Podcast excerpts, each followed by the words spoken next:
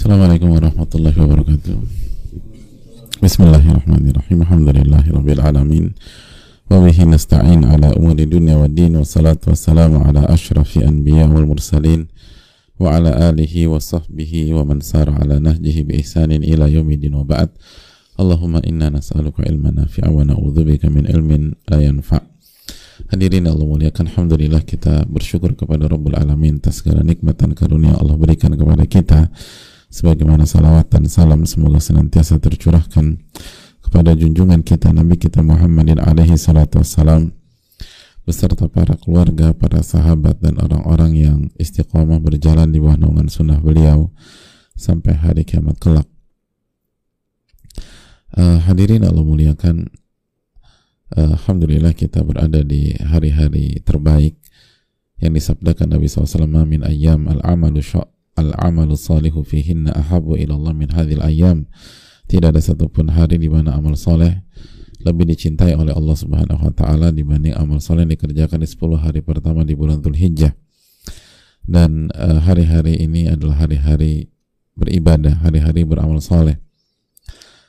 Uh, para ulama menganjurkan uh, memperbanyak puasa sunnah di 9 hari ini dan uh, memperbanyak zikir, memperbanyak takbir. Ini adalah hari-hari mengingat Allah Tabaraka wa Ta'ala. Ini adalah hari-hari ketenangan, hari-hari kenyamanan, hari-hari kebahagiaan. Karena Allah berfirman, Ala bidzikrillahi tatmainul qulub. Ketahuilah dengan mengingat dan berzikir kepada Allah hati menjadi tenang dalam surat Ar-Ra'd 28. Dan di hari-hari ini kita diperintahkan banyak berzikir dan banyak bertakbir kepada Allah Tabaraka wa taala. Oleh karena itu ini seharusnya mempengaruhi diri dan jiwa kita dan semoga Allah Subhanahu taala memberikan taufik kita atau memberikan taufik kepada kita untuk bisa menikmati hari-hari ini, merasakan ketenangan di hari-hari ini karena banyaknya zikir yang kita lakukan. Semoga Allah memberikan taufik sehingga kita termasuk orang-orang yang banyak berzikir minadz zakirin wa dzakirat Amin ya rabbal alamin. Uh, sebagaimana salawat serta salam semoga selalu tercurahkan kepada junjungan kita Nabi kita Muhammadin alaihi salatu wassalam beserta para keluarga, para sahabat dan orang-orang yang istiqomah berjalan di bawah naungan sunnah beliau sampai hari kiamat kelak. Uh, hadirin Allah muliakan, kita akan kembali bersama Al-Imam An-Nawawi rahimahullah dalam bab Al-Wasiyah bin Nisa wasiat untuk berbuat baik bahkan memberikan yang terbaik untuk wanita untuk istri uh, dan uh, bab ini uh, sangat penting untuk kita khususnya para suami agar kita bisa menjalankan peran kita dan kita berhasil menjawab pertanyaan Allah pada hari kiamat wa kullukum ra'in wa kullukum mas'ulun an ra'iyatih kullukum ra'in setiap kalian itu pemimpin. Wa kullukum mas'ulun an an ra'iyati. Dan setiap kalian akan ditanya an ra'iyati.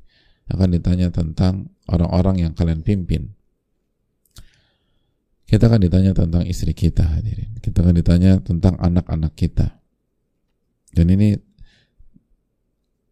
masalah bukan masalah kecil masalah besar Rabbul Alamin. Malik Yawmidin bertanya kepada kita tentang masalah ini. Bahkan hendaknya kita bertakwa dan bertakwa kepada Allah Tabaraka wa Ta'ala. Hadirin Allah muliakan uh, kita akan masuk ke hadis terakhir. Masuk ke hadis yang terakhir. Hadis uh, Abdullah bin Amr bin Al-As. Al-Imam An-Nawawi rahimahullahu rahmatan wasi'ah. Semoga Allah merahmati beliau dengan rahmat yang luas. Beliau menyampaikan di hadis yang ke-280 wa'an Abdullah bin Amr bin Al-As dari Abdullah bin Amr bin Al-As radhiyallahu taala anhuma anna Rasulullah sallallahu alaihi wasallam qala bahwa Rasulullah sallallahu alaihi wasallam bersabda ad-dunya mata' wa khairu mata'iha al-mar'atu salihah. Dunia itu perhiasan, kesenangan, dan sebaik-baik perhiasan serta kesenangan dunia adalah wanita yang salihah. Wanita yang salihah. Ad-dunya mata' dunia adalah perhiasan. Dunia adalah kesenangan. Dan sebaik-baik perhiasan dunia adalah wanita yang salihah. Itu atau kaidah penting yang harus kita camkan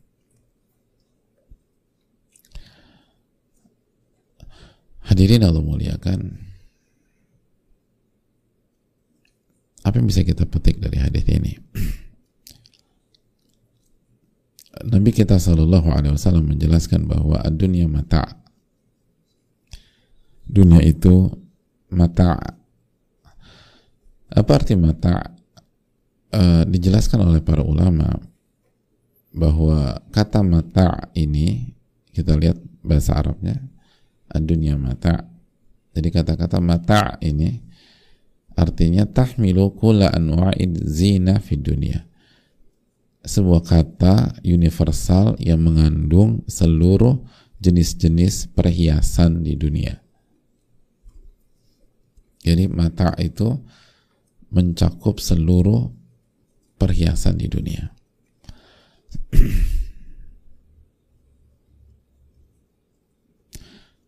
jadi dunia itu ya perhiasan gitu aja. Dunia itu perhiasan. Dan mencakup semuanya. Ya wanita ya anak-anak eh, kendaraan emas perak dan logam mulia dan uh, uang uh, kuda kata para ulama. Dan semuanya. Semua yang dipakai perhiasan.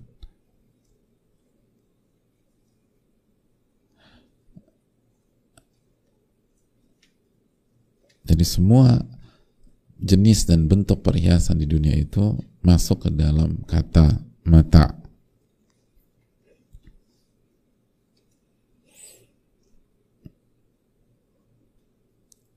itu hal penting.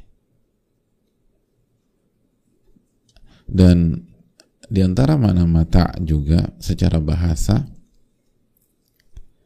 itu artinya irtifa.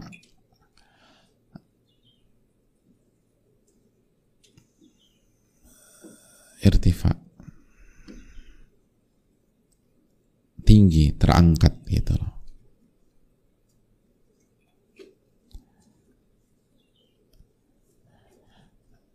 makanya uh, dalam bahasa Arab bisa, di, uh, bisa uh, orang Arab menggunakan an-nahar mata an-nahar mutu'a. Jadi siang itu mata. Maksud siang itu mata itu apa sih? Uh, maksudnya siang waktu itu sudah sampai sebelum zuhur. Sebelum zuhur qabla zawal. Gitu. ay irtafa'a qabla zawal. Itu menunjukkan waktu sebelum masuk waktu zuhur. Nah ketika masuk dan waktu zuhur kita tahu adalah puncak dari siang kan? Ketika matahari persis di, di atas kita. Nah itu yang dikatakan mata di waktu siang. Atau juga dikatakan mata di uh, duha kapan matanya duha. Ai balago akhir ghayatihi. Jika sudah sampai akhir waktu duha. Dan akhir waktu duha mau masuk waktu zuhur gitu loh.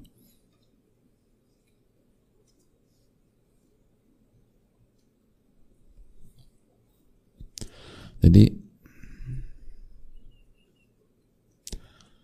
uh, mata itu sesuatu yang tinggi dan uh,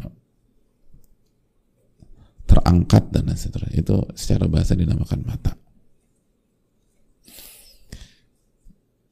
Makanya kan fungsi, salah satu fungsi perhiasan apa? Untuk mengangkat derajat seseorang di lingkungan sosial. Gitu loh. Seringkali perhiasan fungsinya cuma itu. Nggak ada yang lain. Gitu loh. fungsinya hanya itu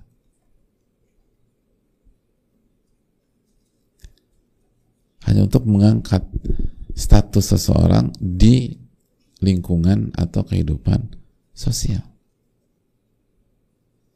Seorang wanita pakai kalung berlian misalnya atau cincin berlian.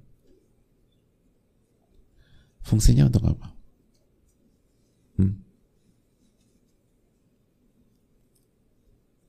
Kalau ada kalau ada tikus naik di atas meja langsung ambil, buka kalungnya timpuk gitu enggak kan?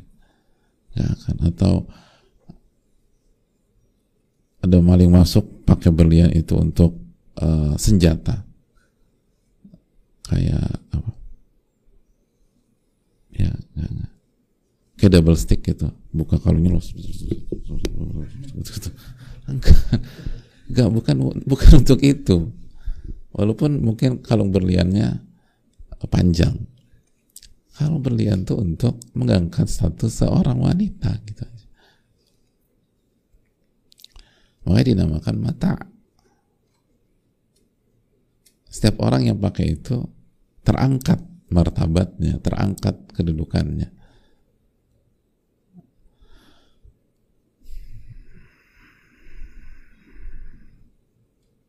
Itu orang yang nggak mandang dia jadi dihormati setelah dari sisi memang berlian itu bagus, menarik perhatian, tapi bukan hanya sekedar bagus, bukan seorang indah ya enggak. Begitu anda pakai atau anda kenakan di uh, jari manis anda, yang awalnya orang nggak bukain pintu buat anda, dia akan bukakan pintu untuk anda. Gitu lah. Yang awalnya anda dicuekin, akan ada orang datengin anda dan menyambut anda. Awalnya dicuekin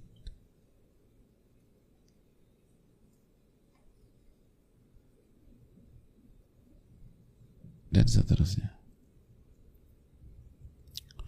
Itu mata dalam bahasa Arab. Uh, di antara yang lain hadirin sekalian, mata juga berarti al-mati itu at-tawil wal jayyid min kulli syai. Al-mati dalam bahasa Arab itu artinya at-tawil, tinggi, wal jayyid dan baik, jahit, bagus min kulli dari segala sesuatu.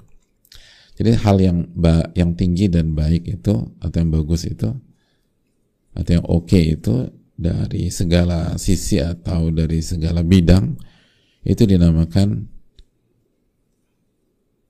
mata atau mati. Wal fadil al murtafi minal mawazin dan al fadil wal murtafi minal mawazin dan uh, sisi yang uh, yang berat dan yang tinggi dari timbangan.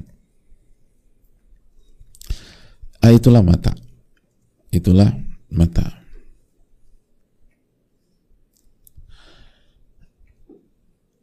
Dari sini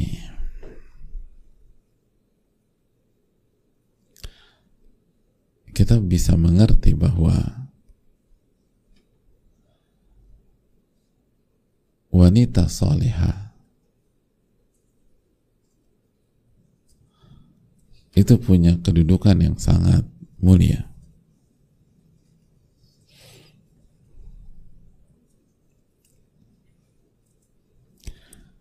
Apabila seseorang mendapatkan wanita yang salihah maka ia baru saja mendapatkan sebaik-baiknya mata. Sebaik-baiknya mata. Sebaik-baiknya perhiasan. Sebaik-baiknya keindahan. Dan sebaik-baiknya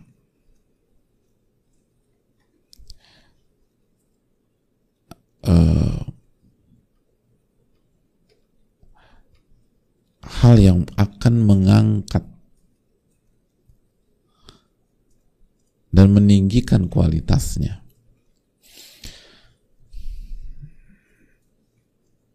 Makanya Allah mengatakan idza wuffiqal insanu limra'atin salihatin fi diniha wa aqliha fahadha khairu mata'id dunya li'annaha tahfadhu fi sirrihi wa malihi wa waladihi apabila seseorang diberikan taufik memiliki wanita yang soleha atau maksudnya istri yang soleha dari sisi agama si wanita tersebut dan dari sisi akal sehatnya maka itu sebaik-baik mata dunia sebaik-baik perhiasan dunia. Karena istri yang soleh itu akan menjaga dia. Fisirrihi akan menjaga seluruh rahasia dan privasinya. Dan istri yang soleh akan menjaga harta suaminya. Bukan ngabisin harta suaminya. Dia akan jaga. Dia akan amanat. Wawaladi dia, dia akan menjaga anak suaminya. Maksudnya uh, anak mereka. Memang anak suaminya. Itu poin itu sebaik-baik perhiasan. Sebaik-baik perhiasan. Seindah-indah kehidupan dunia.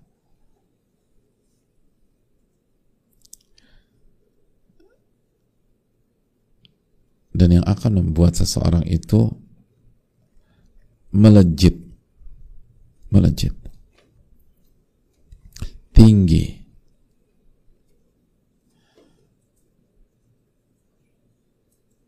itu poin. dia akan mulia.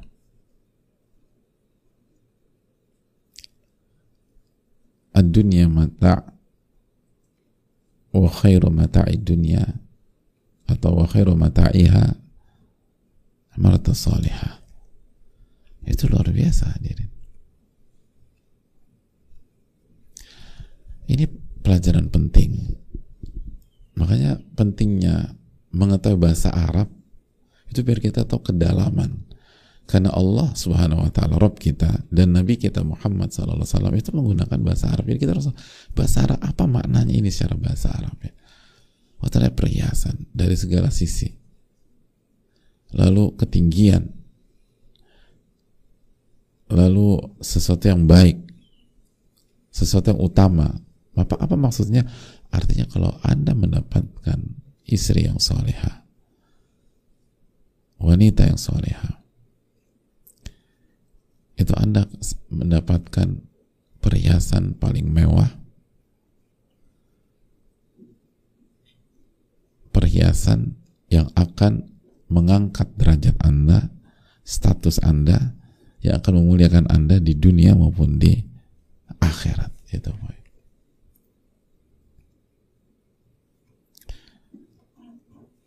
itu poin. Pelajaran yang bisa kita petik berikutnya. Kita coba melihat hadis ini dari dua sisi. Sisi yang pertama sisi wanita dulu ya. Sisi yang kedua sisi laki-laki. Sisi wanita dulu karena ini hadis mengangkat seorang wanita bagi ibu-ibu, bagi uh, saudari-saudari kita, hendaknya cita-cita pertama kita dalam hidup adalah menjadi wanita soleha.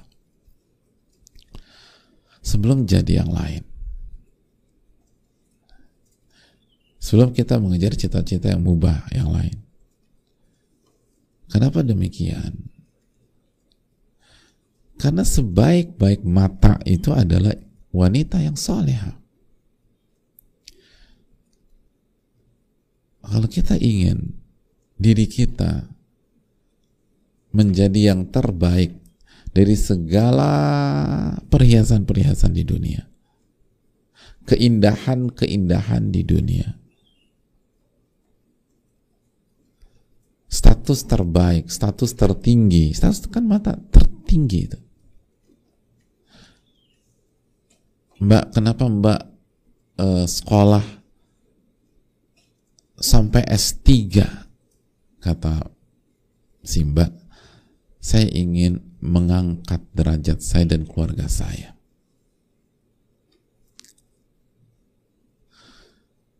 Saya itu dari keluarga nggak mampu, mas. Saya ingin status keluarga saya terangkat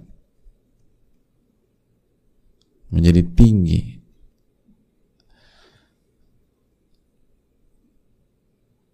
Apa tidak boleh?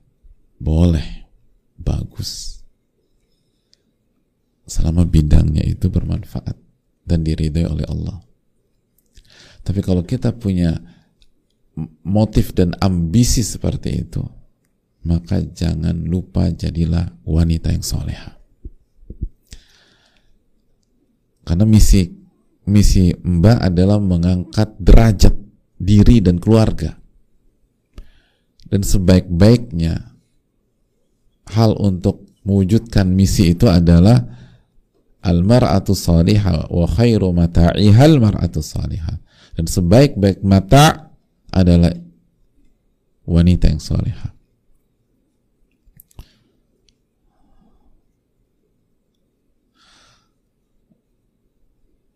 Ada ibu-ibu berusaha membeli barang-barang branded atau membeli perhiasan. Ketika ditanya, kenapa bu mau beli perhiasan?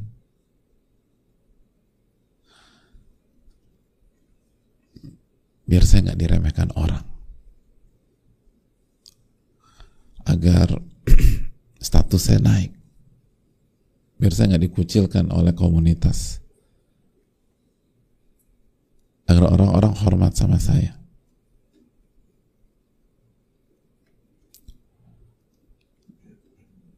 Hadirin Allah muliakan.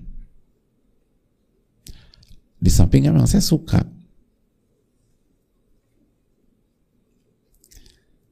Oleh karena itu kita sampaikan, memang benar wanita dan perhiasan itu tidak bisa dipisahkan.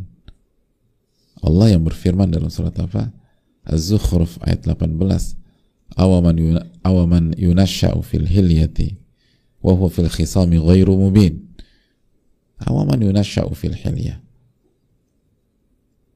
dan apakah sosok yang dari kecil tumbuh dengan perhiasan maksudnya siapa? wanita Allah mengatakan wanita itu dari kecil tumbuh dengan perhiasan. Tumbuh dengan perhiasan. Makanya cara membedakan bayi laki-laki bayi perempuan apa di antaranya? Ya perhiasan anting. Rambut. Nah, bayi usia berapa minggu gitu. Yang membedakan apa? Kalau rambutnya sepunggung perempuan.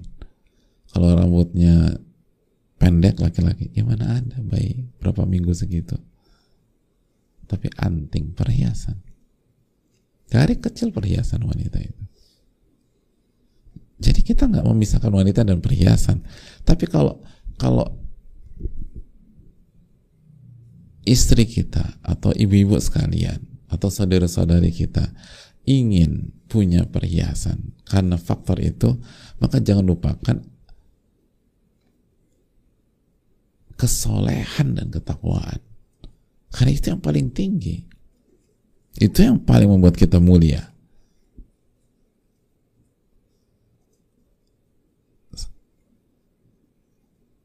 tanpa memisahkan antara wanita dan perhiasan. Asal sesuai dengan kaidah-kaidah yang ditetapkan oleh Allah Subhanahu wa taala. Tapi kenapa kita nggak mengejar ketakwaan? Kenapa kita nggak mengejar kesolehan? Itu yang membuat wanita itu mulia. Walaupun tidak berkalungkan berlian. atau bercincinkan berlian. Ini yang perlu kita jawabkan. Karena dirinya lah perhiasan dunia terbaik itu sendiri.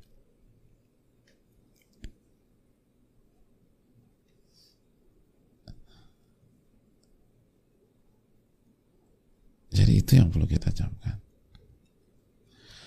Jadi jadilah per, jadilah keindahan terindah dan tertinggi di dunia. Itu pesan buat para istri, para ibu-ibu, uh, para saudari-saudari kita yang belum menikah juga kejar ini kalau ingin menjadi perhiasan dan keindahan tertinggi di dunia.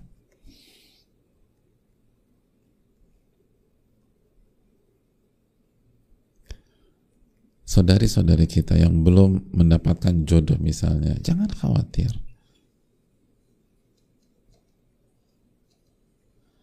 Tapi usiaku udah segini, Ustaz. Hadirin, kalau kita bisa menjadi khairu mata'i dunia sebaik-baik matanya dunia Anda akan dicari. Khairu mata'i dunia.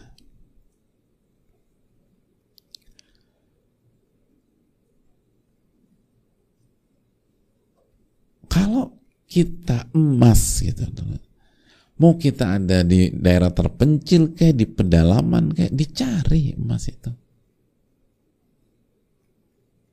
akan ada orang yang sampai ke pendalaman untuk cari itu emas.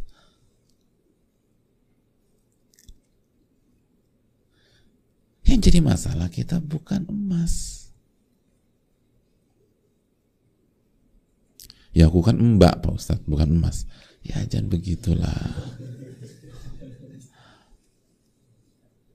Yang jadi masalah kita nggak punya nilai, kita nggak punya ketakwaan, kita nggak punya kesolehan. Jadi walaupun kita ada di pusat kota, ya dilewatin orang aja. Padahal di pusat kota sudah. Di jantung sebuah kota. Di depan alun-alun gitu kalau bahasa. Nggak ada yang ngelirik. Karena bukan emas.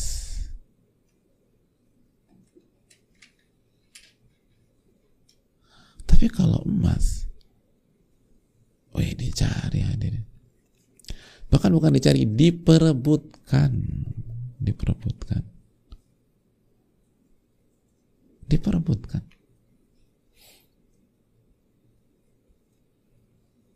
Sekali lagi kalau kita bukan sebaik-baik perhiasan walaupun di alun-alun di jantung sebuah kota di tengah-tengah di titik nol sebuah kota ya dia cuin orang aja.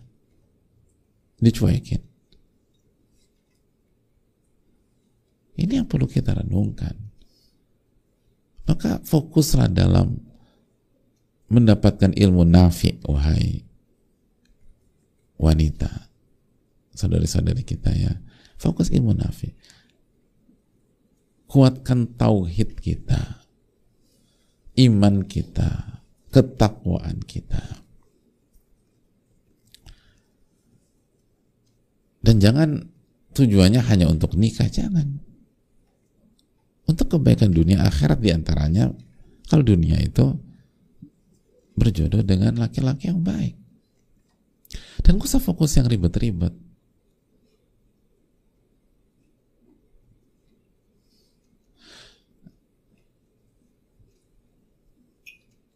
Jadi itu yang perlu kita jawab kejar ilmu nafi. Kuatkan keimanan dan ketakwaan maka kita akan jadi sebaik-baik matanya dunia. Sebagaimana untuk para suami, untuk para laki-laki. Jika kita ingin kedudukan kita diangkat oleh Allah menjadi mulia, salah satu yang kita harus cari dan upayakan adalah istri yang soleha. lalu didiklah anak perempuan kita menjadi anak yang atau anak wanita atau wanita yang soleha itu sebaik-baik perhiasan. Sebaik-baik keindahan.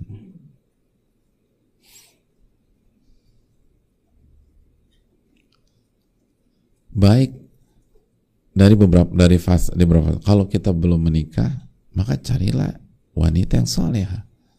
Itu yang terbaik sudah. Itu yang terindah.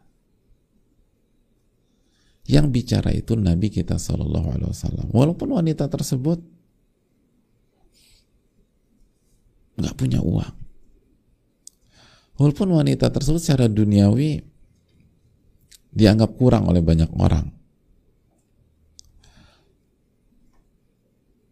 walaupun wanita tersebut punya catatan ini catatan itu secara duniawi. Tapi kalau dia adalah wanita soleha itu sebaik-baik keindahan dunia. Jadi kalau kita dalam posisi mau menikah perjuangkan itu. Nabi kita Sallallahu Alaihi yang mengatakan demikian dan kalau kita sudah menikah, kita harus berikan waktu, blok waktu, sisihkan waktu untuk mendidik istri kita atau anak perempuan kita agar menjadi wanita soleha. Karena itu sebesar-besar keindahan. Ada sebagian orang itu sibuk nyari side job dan lain sebagainya untuk membeli mobil misalnya.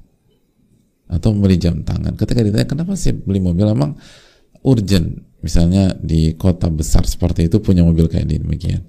Ya enggak. Terus fungsinya apa? Ya agar aku kalau ketemu klien atau ketemu orang dan seterusnya bisa diterima di pergaulan diperhitungkan. Status aku tuh terangkat Oke. Okay. Pertanyaannya, seminggu itu punya berapa jam sama istri? Ya, kan aku sibuk nih. Jadi ya ya ya ya gitu loh maksudnya. Ya paling sebelum apa pulang, aku pulang kan ke rumah. Tapi istri udah tidur.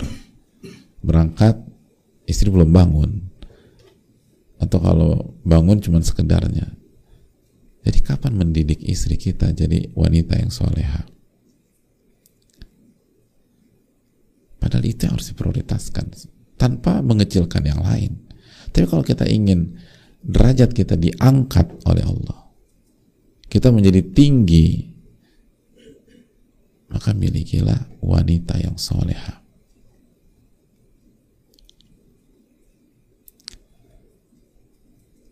Dan didiklah istri kita menjadi wanita soleha.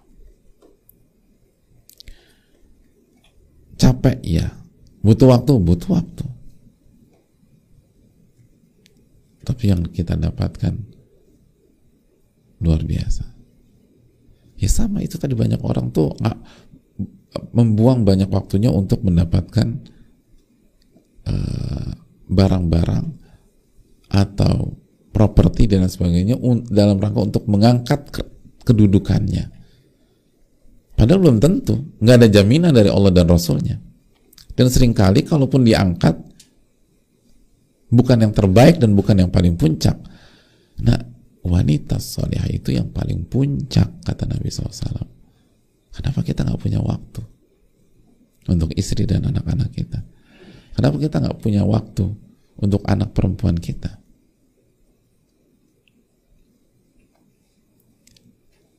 Jangankan mendidik, punya waktu aja enggak. Bukankah tujuan tujuan kita lebih banyak di luar rumah untuk mengangkat derajat keluarga? Itu bagus selama halal, tapi kasih waktu yang cukup untuk istri dan anak-anak.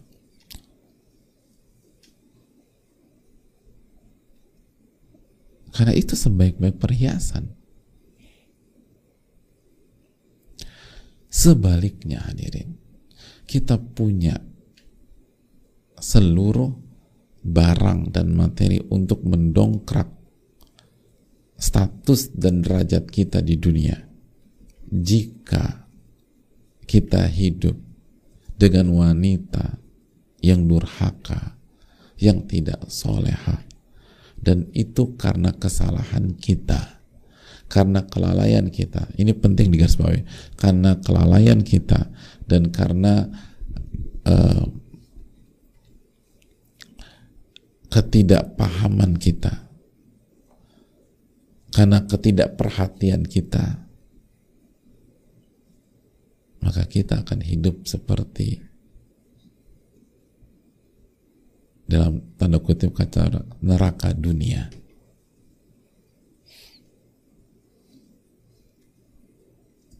Itulah.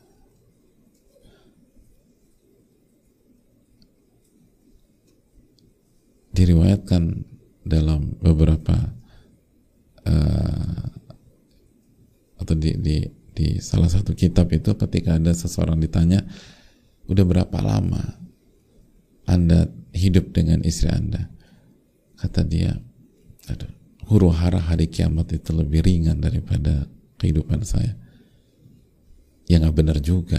Ini bahasa hiperbola hadirin. Artinya setiap hari itu terjadi goncangan. Zalzalat sa'ah. Gitu. Karena di kiamat dikatakan goncangan dalam Al-Hajj ayat pertama kan. Oh itu berantakan. Kecuali kalau bukan karena kelalaian dia akan tenang dia akan sabar. Tapi kalau akan kelalaian karena kita nggak didik atau memang dari awal nggak memilih dari sisi agama nggak memilih dari sisi kesolehan nggak memilih istri dari sisi ketakwaan lalu begitu menikah nggak dididik juga istrinya. Akhirnya istrinya nggak jadi wanita soleha durhaka maka sengsara dia benar nih sengsara Sebagaimana kalau kita didik, lalu Allah kasih taufik, ia menjadi wanita soleha, itu semua jeripaya kita kebayar. Makanya kan dinamakan apa? Qurrata a'yun. Rabbana hablana min azwajina wa dhurriyyatina a'yun waj'alna lil muttaqina imama dalam surat Al-Furqan. Ya Allah anugerahkanlah kepada kami, kepada aku istri dan anak-anak yang kurrota ayun menjadi penyejuk mata, penyejuk hati, penyejuk jiwa. Kata para ulama tafsir, tidak ada yang lebih indah bagi hati seseorang kecuali ketika melihat dan merasakan dan hidup bersama istri dan anak-anak yang soleh dan soleha. Gak ada yang lebih nikmat dari itu. Gak ada yang lebih nikmat daripada melihat istri kita sujud kepada Allah. Anak kita di kamar mereka membaca Al-Quran. Gak ada yang lebih nikmat dari itu. Gak ada yang lebih nikmat ketika melihat bagaimana istri kita atau anak-anak kita berkhidmat, menjaga ketakwaan, mencegah atau menjaga diri dari kemaksiatan. Itu gak ada yang lebih nikmat dari itu. Oleh karena itu, wanita itu bukan wanita itu bukan sesuatu yang rendah. Wanita itu bukan objek eksploitasi, bukan uh, pihak yang bisa dilecehkan, bisa direndahkan. Tapi wanita adalah sebaik-baik keindahan dan perhiasan dunia. Wanita adalah anugerah yang sangat besar bahkan terbesar di di dunia yang akan mensupport keimanan kita, ketakwaan kita dan ibadah kita kepada Allah Subhanahu wa taala. Ini yang bisa disampaikan. Semoga bermanfaat dan saya rasa cukup sudah jam setengah tujuh makasih banyak dan semoga besok kita diberikan taufik untuk bisa membuka sesi tanya jawab. Bihamdika la ilaha illa anta. Assalamualaikum warahmatullahi wabarakatuh.